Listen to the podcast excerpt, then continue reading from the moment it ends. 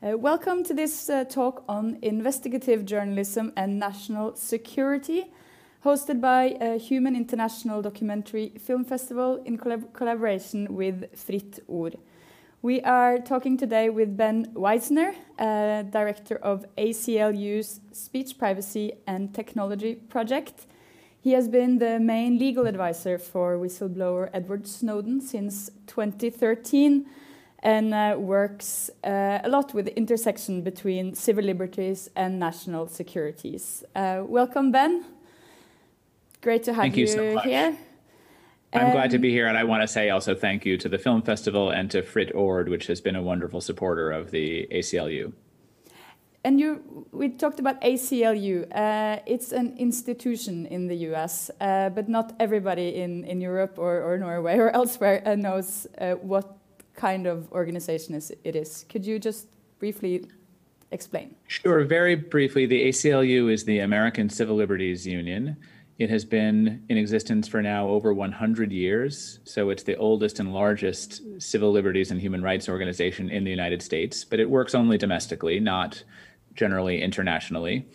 Um, and our role is to protect constitutional and individual rights largely from encroachments and violations by the government. And so, regardless of what government is in power, you can be sure that the ACLU um, is going to be a needle poking at them in some way. But obviously, that was quite dramatic under the Trump administration, uh, where we filed hundreds of legal actions um, against Trump.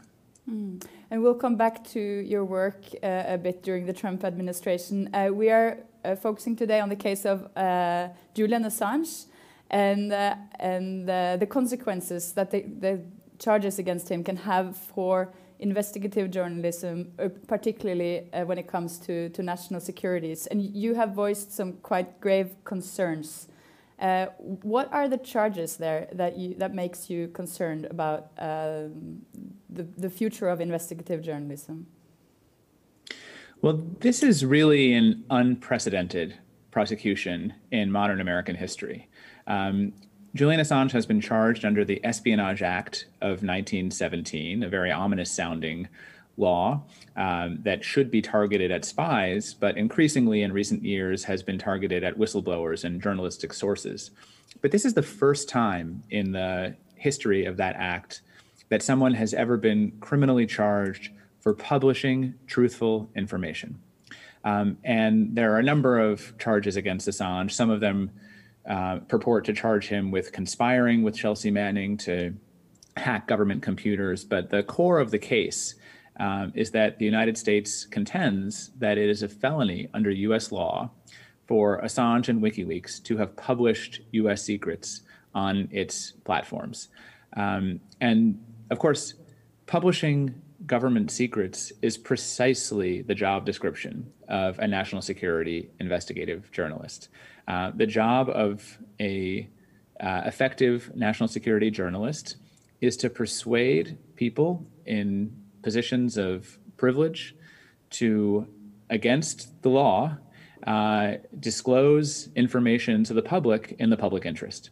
Um, and if you look at the modern history of the United States and imagine what the public never would have known but for uh, journalists who published the government secrets, we would not have known that the US was engaged in a torture conspiracy, um, that it set up secret prisons around the world and had an extraordinary rendition program. Um, we wouldn't have known the scope of the US drone wars. We wouldn't have known that there was a global system of mass surveillance that was implemented without the consent of the public.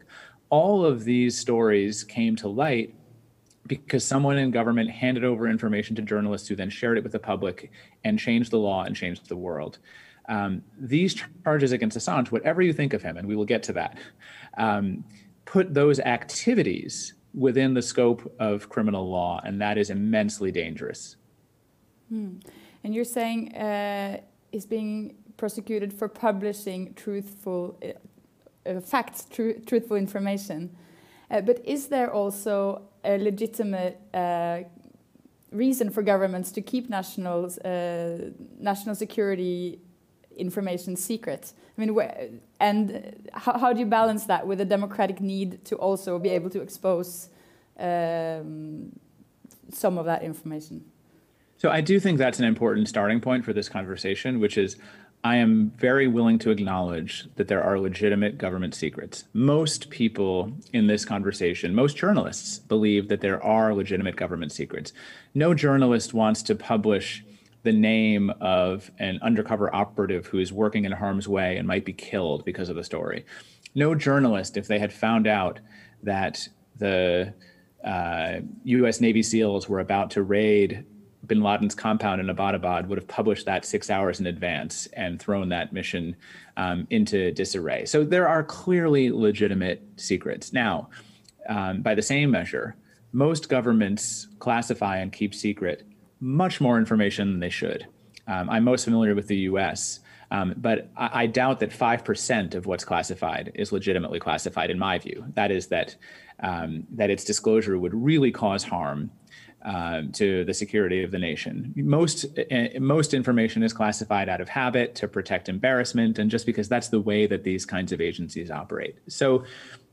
The more difficult and more interesting question is not whether there are some legitimate secrets, but who should decide where to draw the line between what the public needs to know to have a functioning democracy and what the state needs to conceal in order to have a national defense. Um, now, governments would tell you, especially in democracies, governments would tell you that they themselves are the only legitimate actors to draw these lines. After all, they were elected by the public. They were given this power and this trust by the public. But of course, that's a circular argument because if the president of the United States gets to decide what I know about him, then the president can conceal information that might lead me to vote against him. Uh, and then how can you say that I've given him the authority to make this decision on my behalf? And in fact, we know the way that classification is abused, um, which is to protect political leaders from embarrassment. So it can't be the answer to the question that the, the democratically elected leader of a country gets to decide by himself or herself what the public should see. And so, sort of into this conundrum, we have the profession of journalism, um, which kind of mediates between governments and the public um, and does so in the public interest. And, and, and if you speak to um, journalists who practice in this space, um, their goal is not to overthrow governments. Um, their goal is to protect democracy and give the citizens the information they need in order to hold their own leaders accountable, um, while at the same time protecting government secrets where that is appropriate. Um, and in in virtually every country where this kind of journalism is practiced, um, when journalists obtain government secrets, they tend to enter into conversations with government actors before they just go and publish it um, uh, in their newspapers to see whether there's something they might have missed. Um, but they don't give governments veto power um, over what the public needs to know about how the government is operating. But isn't that exactly part of the, the, the problem here that WikiLeaks didn't do? Uh, they didn't follow the journalistic tradition uh, of you know dialogue with the government. They just published uh, everything. It's hard to say what WikiLeaks practices have been because they've changed so much. Mm-hmm. Um, in this case, Assange is being prosecuted for the Chelsea Manning leaks. Um, and as you may recall, in that instance, WikiLeaks did, in fact, work with mainstream journalistic institutions to bring that information to the public. Mm. They did work with The Guardian, with Der Spiegel, and with the New York Times um, in, order to bring that information forward. And, and those institutions, in fact, did engage with governments before publishing. Um, it's true that since then, WikiLeaks has very much changed its model, no longer partners with those kinds of organizations, has been very critical of those organizations for redacting information. Um, and in its recent publications, it has put whole data sets um, online in ways that those news organizations would not. Uh, I don't think that's what happened in the case that is now being prosecuted. Um, but I do agree with you that, um, you know, in the modern world where we have so many new forms of publishing, um, we may not be able to rely in the same way on these professional ethical traditions of journalism um, that sort of see themselves as partners in the public interest, um, especially when you're dealing with an entity like WikiLeaks that sees it as part of its goal um, to undermine the US empire. Um, it certainly doesn't see itself as a partner with the US government or even with the American public. Um, and so, so that does put pressure on the old way of doing things.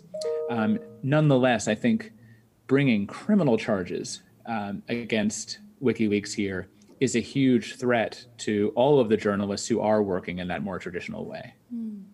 And, and it's a huge threat to journalists in the US, but it can also affect investigative journalism elsewhere in the rest of the world. Right, and let's talk about that for a few reasons. Um, uh, this may sound a little bit glib, but I really do sometimes describe effective investigative journalism as a criminal conspiracy, right? As we said before, what these journalists are essentially doing is trying to persuade other people to break the law with them in the public interest. Um, and, and that is a really vital part of democratic oversight. And if you start making it a crime, um, and again, here we're not talking about the sources who turn over the information. Um, I, there are problems with the laws that deal with them, but every country uh, would criminalize people for handing over secrets. Here we're talking about publishing those secrets, publishing truthful information. Um, if you set the precedent that that can be prosecuted, um, not only will that chill important investigative journalism in the US, um, but we've seen time and again how other countries will use the US conduct to justify what they're doing. And, and, and we've already seen other countries who are cracking down on reporters point to the US indictment of Assange and say, what's the difference?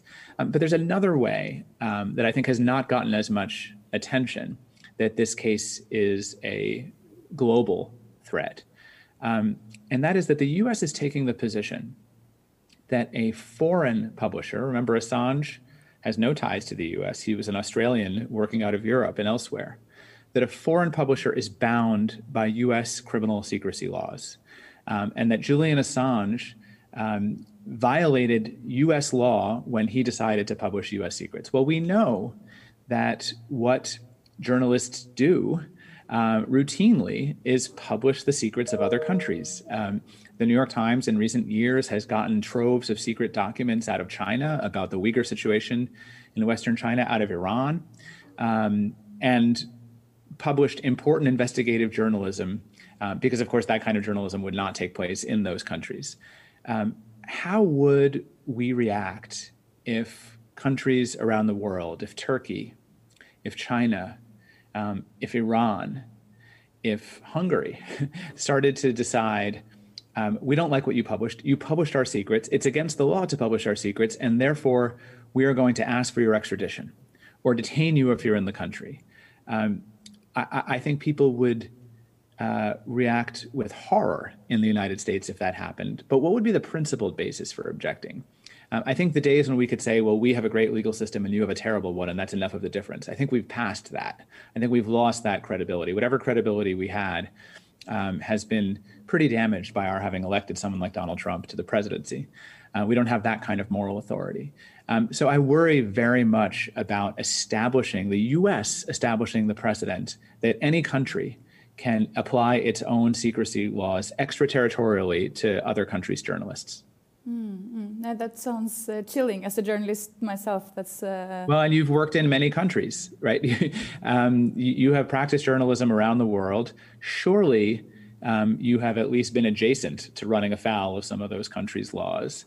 Um, and you would want your own country to be able to say in no uncertain terms, what you are doing is unacceptable. Um, this is journalism. There are there are baseline principles, and and think about the damage that it does when it's the United States that is undermining that global principle. Yeah, for sure, for sure. And we have seen in the United States an increased pressure also against whistleblowers uh, past. Uh, 8, 10, 15 years maybe. And I remember uh, Barack Obama got a lot of attention for being the president that uh, went after the more whistleblowers than, than any other uh, American president. And we were talking here wondering uh, why and what's your view on that development?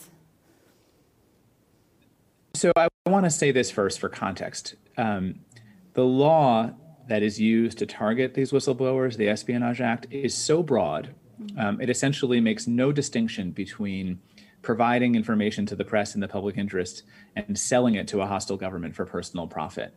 Um, that the real question that we probably should be asking is not why there have been more of these prosecutions recently, but why there have been so few in the course of American history, because the government really does have the authority. And I think the answer is that because there is so much overclassification and excessive secrecy in the US, it's always been understood that leaks to the press operate as a kind of safety valve. Um, every day you open American papers, newspapers, and there is information that was leaked from government sources in violation of some law um, or rule.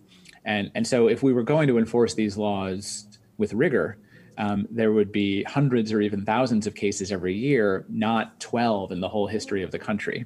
Um, so, I think we need to be a little cautious about statistics here. I do think that one reason why we're seeing um, more activity now um, is just that technology has changed the game um, it's made it possible for a Chelsea Manning or an Edward Snowden um, to uh, remove information from the government at a scale that would have required a lot of resources before.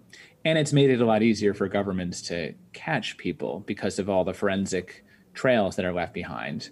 Um, and, and, so I, I don't think that that President Obama was ideologically more opposed to whistleblowing than George W. Bush, who came before him.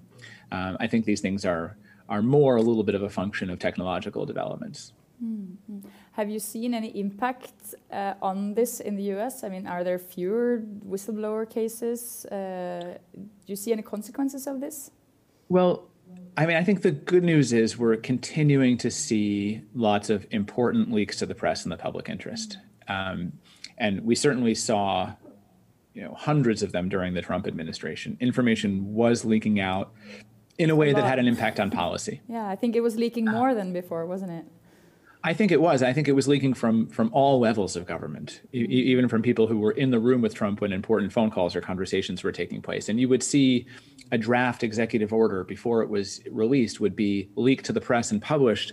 Um, there would be a reaction to it, and then sometimes it would be changed. It, it, it was almost as if leaks to the press were replacing normal government internal reviews because that administration was so chaotic. So I, I, do think that the, the public is still getting very important information about what is happening in, in government. So um, really, I think the Assange case is the one that is most likely to change that balance. Not because I think that the Biden administration will turn around and start bringing cases against the Washington Post um, or the New York Times, but because in every administration, when those entities are going to publish very embarrassing national security stories for the government, there are always high level conversations with government agencies and the lawyers for the press. If the lawyers for the press know that behind the threatening words from government officials are new legal precedents that could actually be used to target those institutions, they're going to be much more cautious um, in a way that I think does not benefit the public. Um, um, I, I, you know, it's it's very difficult to find examples of news stories that actually cause the national security harm that the governments insisted that they would. Mm-hmm. The government uses the same language every time. If you publish this, it's going to cause grave and irreparable harm to the national security. And every time that turns out not to be the case. Um, and so I think, if anything, the newspapers, the media should be leaning towards publishing more aggressively, not less aggressively. And that's why I worry about criminalizing those transactions. Mm. Have you seen any uh, effects on the, just, I mean, he's not uh, prosecuted yet. Uh, we don't have a sentence yet. But uh, do you have you seen any uh, effect on the national security coverage in U.S. journalism that you could Not connect yet. to the Assange case, or is it too soon? I don't tell? think so. I don't think so. I don't think I, I, it, it, may be again that if you spoke to some journalists, they would say that their publications have become more cautious just since those charges were filed. But I have not actually seen that evidence yet. And and look, there's a long way to go before Julian Assange will be sitting in a U.S. courtroom and held in a U.S. prison. Um, remember that the judge in the United Kingdom denied extradition uh, on the grounds that because of his mental health and because of the isolating conditions that he would be held in, it would be dangerous to extradite him to the United States. An extraordinary thing for an ally to say about yeah. um, the U.S., but I think quite true. Um, now the United States has chosen, at least for now, to appeal that decision and to continue to seek the extradition of Assange. But I can assure you that um, human rights organizations, press freedom groups, I hope the news organizations themselves in the US will be urging the Department of Justice in the US, both publicly and privately, um, to find a way not to pursue this case mm. um, because of the harms that it would do. Yeah, because I was going to ask you about that. There's been, of course, uh, some debate here in Norway as well. Uh, there's been human rights organizations getting engaged, press organizations getting engaged, but overall, I think the level of debate has been quite. Um, it hasn't been very loud and very clear at least. And i know people are like asking yeah. like why why are why are we not well, uh, protesting? part of, part of the problem is assange himself. Hmm. um, and let's be candid he's not very popular in our societies. Um, uh, speaking from the us perspective right the republicans on the right would like to see more prosecutions of journalists so they are not particularly concerned about this the Democrats blame Assange for Trump being elected in 2016 because he published the hacked materials from Hillary Clinton and the Democratic National Committee, um, and was, you know, having private conversations with Donald Trump Jr. in the last days of the 2016 election. So they certainly have no love for him, um, and so no one, or very, very few people um, in the U.S. are feeling sympathetic towards Assange's plight, um, and I, I think there aren't that many people who engage in the kind of abstract thinking about um, what this case represents beyond the particular facts. And I think even among journalists, um, when you talk to journalists who are not national security investigative journalists, you know, they say, we're not worried about this because what he does is really different than what we do. He's not really a journalist. Well, that's not actually the question. Um, the question is what happens when the government establishes the principle that you can be imprisoned for publishing government secrets. Um, whether you think Assange is a journalist or not is completely irrelevant to that legal question and to the precedent that it will set. And so, in that sense, it's very clever to try to use a case like Assange to establish this precedent because there isn't going to be that much pushback. Um, because only people who are either right in the middle of the issue um, or whose job it is to think about precedents, like mine, um, are you know going to be passionately focused on this issue, and most people will probably be happy to see him um, get punished for um, uh, reasons that are unrelated to the legal issue. Mm-hmm. You touched upon it, but but so how would you describe the the debate in the U.S. Uh, about the Assange case? I mean, you're you're you're in the middle of it, of course, yourself. But yeah. It, look, you know the the U.S. was so focused over the last year and a half on the presidential election. Mm-hmm. Since then, it's been focused on Trump's second impeachment. Now it's focused on coronavirus and COVID and vaccines.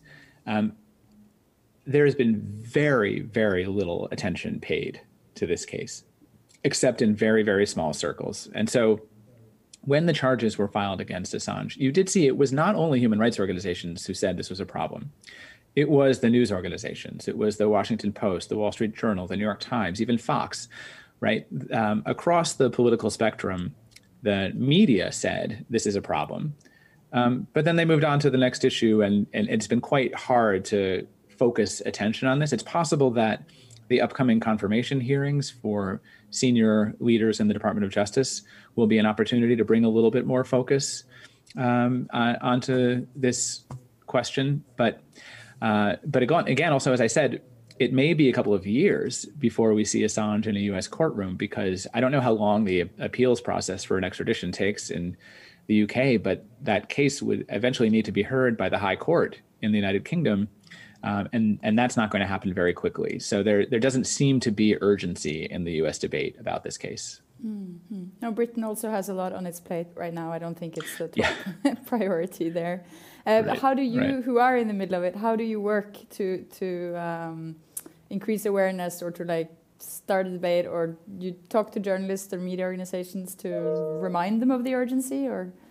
Yeah, I think so. Look, I, I, I it's it's not clear whether the right strategy in this case um, is to try to galvanize public outrage or to try to have quiet conversations with key decision makers behind the scenes um, about this case, and maybe it will involve something of both.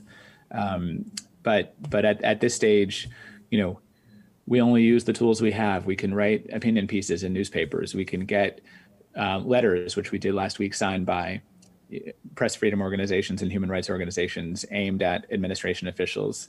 Um, uh, but but I, I'm uh, you know I'm not optimistic that this is going to rise to the level of being um, you, know one of the top issues of public debate in the United States. Mm-hmm. Yeah, you say both the Democrats and the Republicans dislike uh, Assange. Let's use that word. Um, but have you gotten any uh, signals from the Biden administration on how they uh, plan to pursue this or how they look at this uh, this dilemma that you have been talking about? No, um, it, it's it's much too early. I think look, they had a very early decision uh, decision point. Um, they could have in February this month. They could have decided not to appeal the denial of extradition and just let the case die. Um, but remember that the senior leaders of the Department of Justice have not even occupied their positions yet. So uh, that would be a major decision to make, a huge policy shift to make. Um, and, and so it's not surprising that they continue with the case. But I will actually make one point here that I think people forget.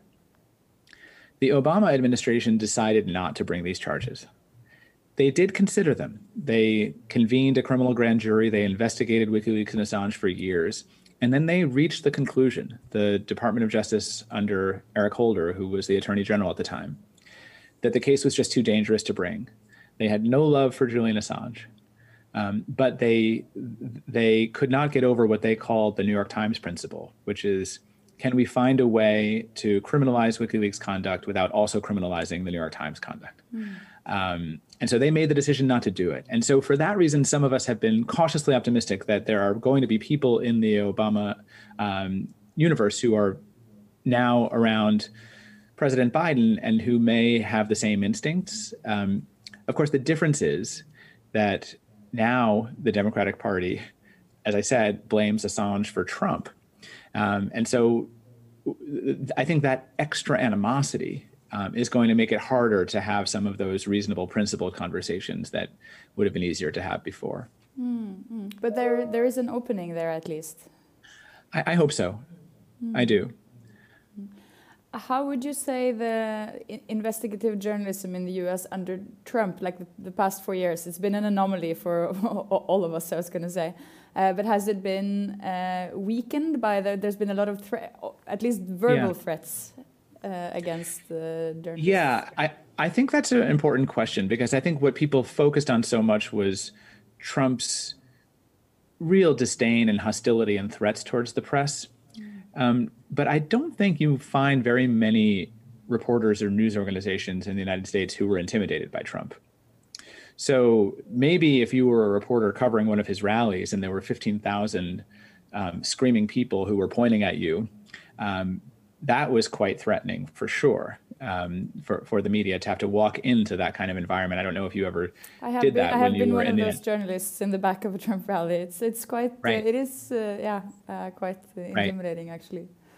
But my guess is it didn't affect your coverage, mm. and that certainly has been the case. That I think that that um, journalists did quite a good job um, in exposing. Um, Trump policies, even Trump policies that were intended to be secret. So I I, I do think that um, that in that way, um, uh, you know, journalism was quite healthy in the United States in the face of those really outrageous, uh, you know, kind of attacks coming from the government. It, it of course, we don't know what we don't know, um, and uh, you know, not being in one of those news organizations, I can't say whether they you know felt chilled or intimidated and didn't publish the story because of that. But um, the public evidence seems to suggest um, that journalists did just fine covering mm. the Trump administration. Mm. And it's a, a, bit on the side of what we're talking about, but I'm curious to hear your opinion about this since since this is also what you work with. But uh, the decision, the Twitter decision to remove um, Donald Trump from from from uh, Twitter how has it affected the public debate in the US? And was that the right decision? It's very funny, I have to say. Uh, just imagining Trump wanting to tweet all day and being separated from his ability to communicate unmediated with the public. Um, I know that's not a serious response. Um, more more seriously, um, you know, many people had called on Twitter to remove Trump years earlier because clearly his conduct on the platform violated their code of conduct and terms of service. My view was different. My view was that seeing Trump as he actually is was a tremendous public value, um, and that it was important for the American people to see a version of Trump who was not mediated through public relations professionals.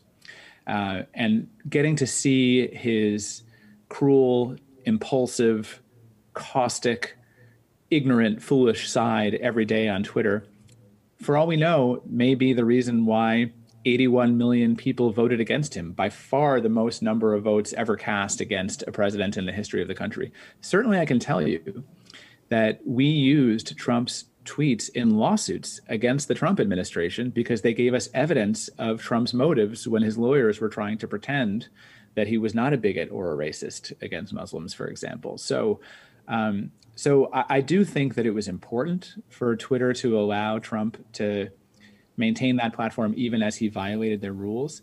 Um, but I also very much understand the decision um, after January 6th and the events in the US Capitol to say we've had enough of this. We don't want to be associated with him anymore. Um, you know, of course, it's my job to say that rather than just applauding and um, thanking Twitter for some of the peace and quiet that we all now feel, um, we do need to keep in mind that it's probably not healthy for democracies in the long term for a few Silicon Valley oligarchs to have the unfettered discretion to decide who has access to the world's dominant speech platforms um, and what the proper boundaries of political debate will be. Uh, and you've already seen in the US, as soon as the Democrats took control, um, these companies are now changing their moderation policies to uh, appease the people who are now in power. Um, rather than again just celebrating that, we should uh, understand that they will change again um, when power changes again, and start thinking about what kinds of neutrality principles uh, we want to be promoting um, over that kind of authority. Mm. And there was just to circle back to to uh, Julian Assange and, and your uh, client, I guess Edward uh, Snowden. There there was rumors about Trump uh, pardoning the two of them, or at least Julian Assange. Was there any yeah, and I guess be, because, rumors? Because Trump is Trump, anything is possible. Mm. Um, and I suppose that he could make an impulsive decision. Uh, he certainly made many in the context of his pardons. Um, I never thought it was particularly likely that this would happen. Definitely, people around WikiLeaks thought that it was um, a real chance, and they worked very hard, uh, both publicly and privately, um, to persuade Trump to make that decision. Um, yeah, I, I, I uh, the irony is that um, it was actually the Trump administration that reversed the decision of the Obama administration and brought criminal charges against Assange. Right. Yeah. Um, I think that the people around WikiLeaks thought that they would be better off under Trump than they would be under Hillary Clinton. Mm. Um, and that turned out to be a miscalculation that is having a profound impact on on everybody. Mm. Um, w- you know, with with Snowden, um, look, I mean, he's been so publicly critical of Trump that um, knowing the kind of injured narcissist that Trump is, it seemed inconceivable that Trump would set that aside. And, and, and Snowden had many opportunities in the last weeks to change his public tone towards Trump, and he declined to do that. Um, uh, one time when he was being very critical of Putin and the Russian government on, on social media, I said to him, Are you sure that's such a good idea? Uh, and he said, I didn't do any of this to make friends, right? So this is somebody who is not going to change his principles or his public tone in order to appease someone like Trump or even someone like Putin, who has, you know, the ability to cause him um, so much harm. Mm.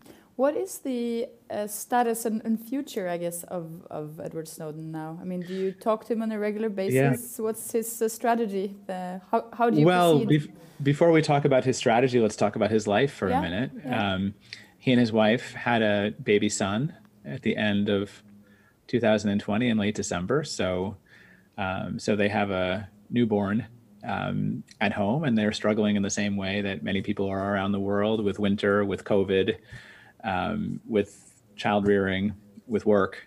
Um, um, because of travel restrictions around the world and the difficulty and the need to stay together, um, he did also announce that they the family will be applying for Russian citizenship, which means that they will have citizenship in both the United States and in Russia um, for ease of movement and staying together. Otherwise, his wife um, would have to return to the United States and would not be allowed back into Russia because of travel restrictions. Um, his hope is still that he'll be able to return to the US someday, not as a felon, not to put on a jumpsuit and enter a prison and serve a sentence as a felon, um, but with some resolution that recognizes the public value um, of what he did. Um, it's also possible that some country other than the United States will decide at some point that enough is enough um, and that he should be able to live there in peace so that his choices are not just Russia on the one hand and a US maximum security prison cell on the other hand, but maybe a third possibility. Um, look, he's still young. He was 29 years old when this began um, in 2013. So he has a lot of life ahead of him. He's not asking for for sympathy in his exile. He's managed to use technology to stay involved in the public debate that he helped to launch. And rarely a week goes by when he's not giving public remarks somewhere in the world um, um, about these issues. Um, I hope that people who are watching this, um, if they have not already read his book, will read his book, Permanent Record, which is published in Norwegian, but I think uh, I would recommend that your audience read the book in English because it's really beautiful in English, um, uh, and it's a, a, a, wonderful memoir of his life, but also, um, uh, you know, goes into detail about uh, about all the issues that we're talking about today. Mm-hmm. You recommend the book, but I was also going to ask you to recommend, since this is uh, yeah. part of an international documentary um, festival, uh, if you could recommend a couple of documentary films uh, yeah. related to the topics that we have discussed. Sure.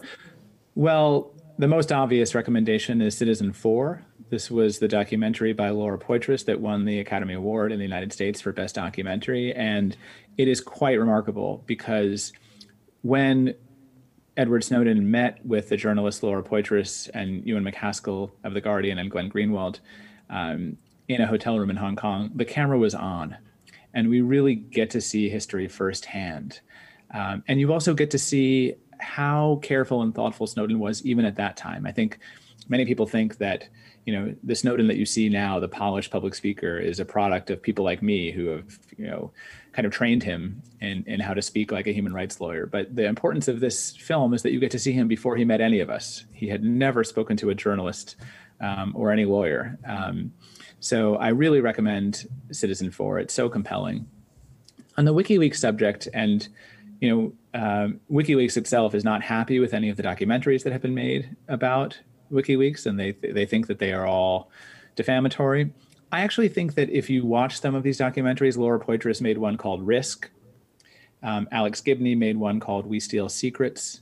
Um, you actually get to see, especially in the early parts of these documentaries, why WikiLeaks was so compelling in 2009 and 2010 and 2011, mm. why this sort of band of rascals that was taking on the global security state, um, uh, you know, why people like me were rooting for them so hard, right? Mm. Um, after we had, um, you, you, know, experienced basically so much stonewalling um, um, over the years, so much excessive secrecy, so much impunity for human rights violations, to have, to have, um, you know, this dashing Bond villain, um, you know, come out and uh, and really hold their feet to the fire was thrilling, and you it captures some of that thrill. But of course, these documentaries also show, um, uh, you know some of the the darker sides and some of what has gotten WikiLeaks into trouble in the years since then.